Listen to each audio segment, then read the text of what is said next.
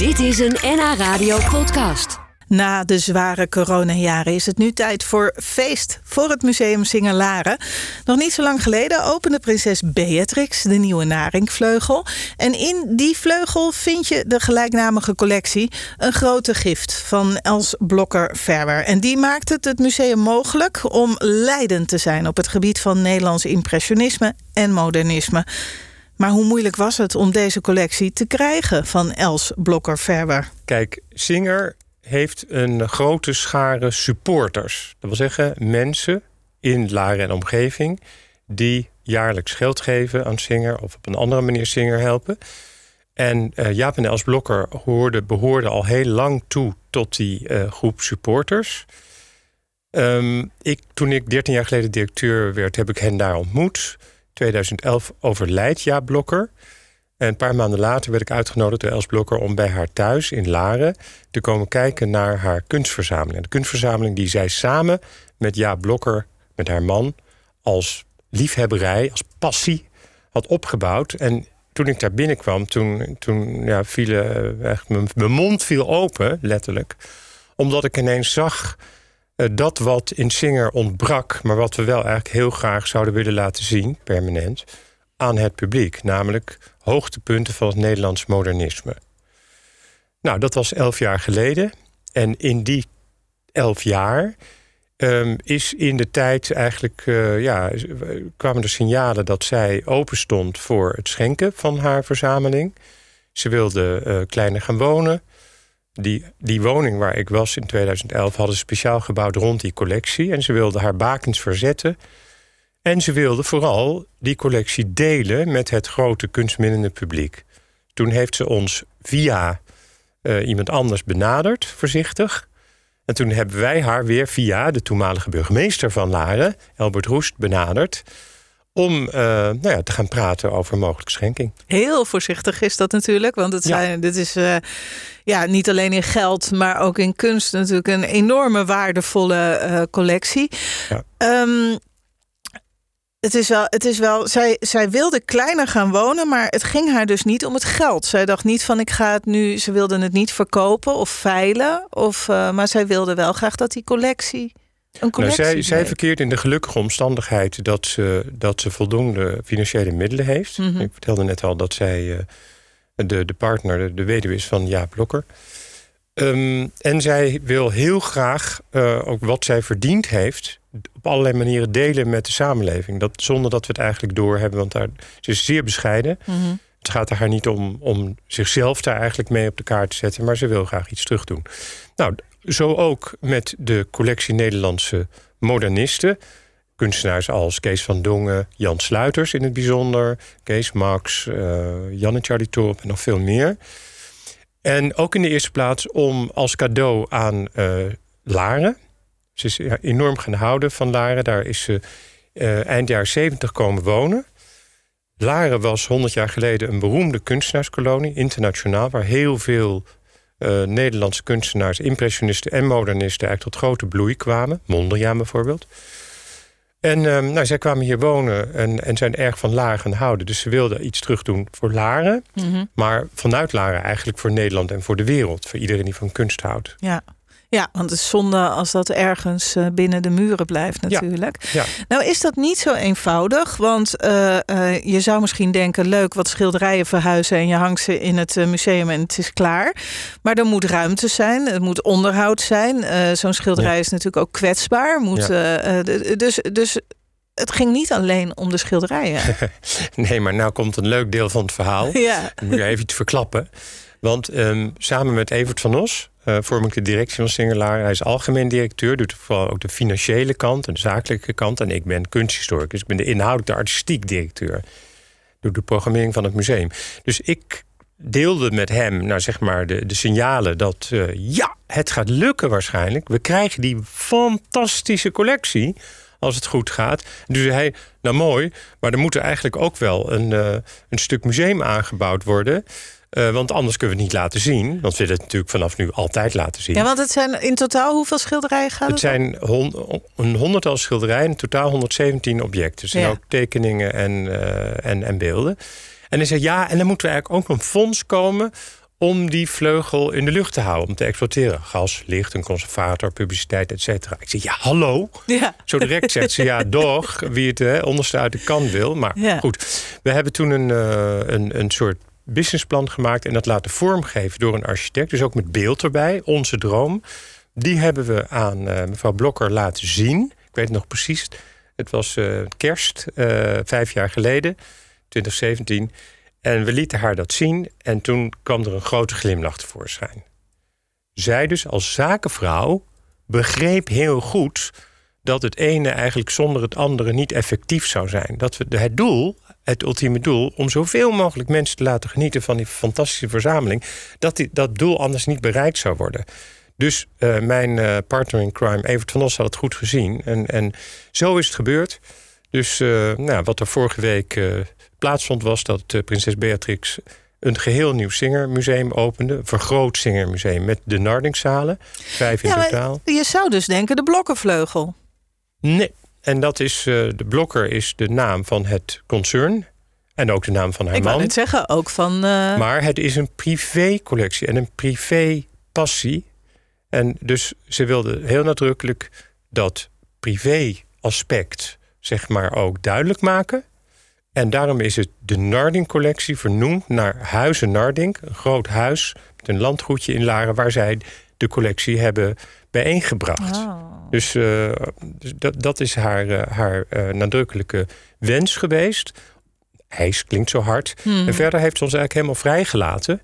in hoe we het zouden vormgeven. Het boek, de selectie, het gebouw... heeft ze ons enorm onze gang laten gaan. Dus groot vertrouwen. Er zit een gelukkig man voor mij. Want eh, het Museum Singelaren heeft fantastisch vorm gekregen. Vernieuwd, eh, nieuwe eh, collectie toegevoegd. Jan Rudolf Delorme is eh, een van de museumdirecteuren. En hij zit hier tegenover me vlak na die opening. Dat betekent dat jullie niet alleen namens de Weduwe Blokker... die collectie aan de kunstliefhebbers en natuurlijk Laren gunnen... maar dat er ook nog een feestje komt voor de inwoners, begreep ik. Ja, Ja. Alsof het niet feest genoeg is. nee, maar wij zijn ook het museum van alle Laarders en Blaricummers. Niet te Ja, vergeten, Laren en. Blaricum. Dus wij gaan op vrijdag 18 maart, lees ik nu even voor van een eh, velletje wat ik mee heb gekregen. Op vrijdag 18 maart zijn alle inwoners van Laren en Blaricum uitgenodigd vanaf 5 uur voor een feestelijk programma dat tot in de nachtelijke uurtjes zal duren. Het begint met de activiteit voor kinderen. In de zingeratelier kunnen ze mooie dingen maken. Sunny Incorporated, eh, de soulzanger, die treedt op vanaf 9 uur in de villa. Er zijn lekkere hapjes en drankjes. En natuurlijk, eh, het belangrijkste, ze kunnen het hele museum bekijken. Eh, de nieuwe zalen, de tentoonstelling en, Sluiters en de Moderne. En ook een tentoonstelling, dat vind ik toch leuk om nog even te noemen... over de Larense kunstenaar Paul Lucanet. Tentoonstelling Lucanet Verf in het bloed in de nieuwe Narding Galerij. Een, een nieuwe ruimte waar we vanaf nu alleen nog maar hedendaagse kunst gaan laten zien. Een heel programma de komende jaren. Dus dit wordt afgebeten door Paul Lucanet.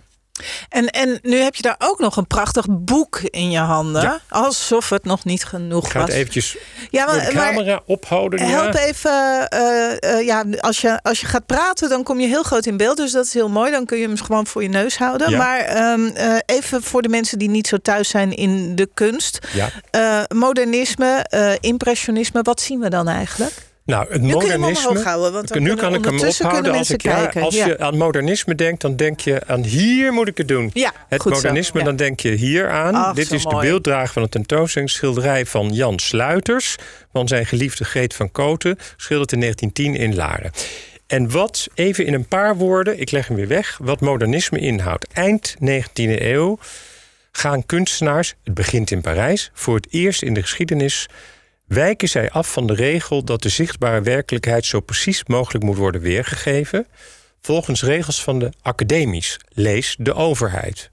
Nou, daar breken ze van los en ze gaan de zichtbare werkelijkheid, het leven, gaan ze weergeven, schilderen vanuit hun gevoel.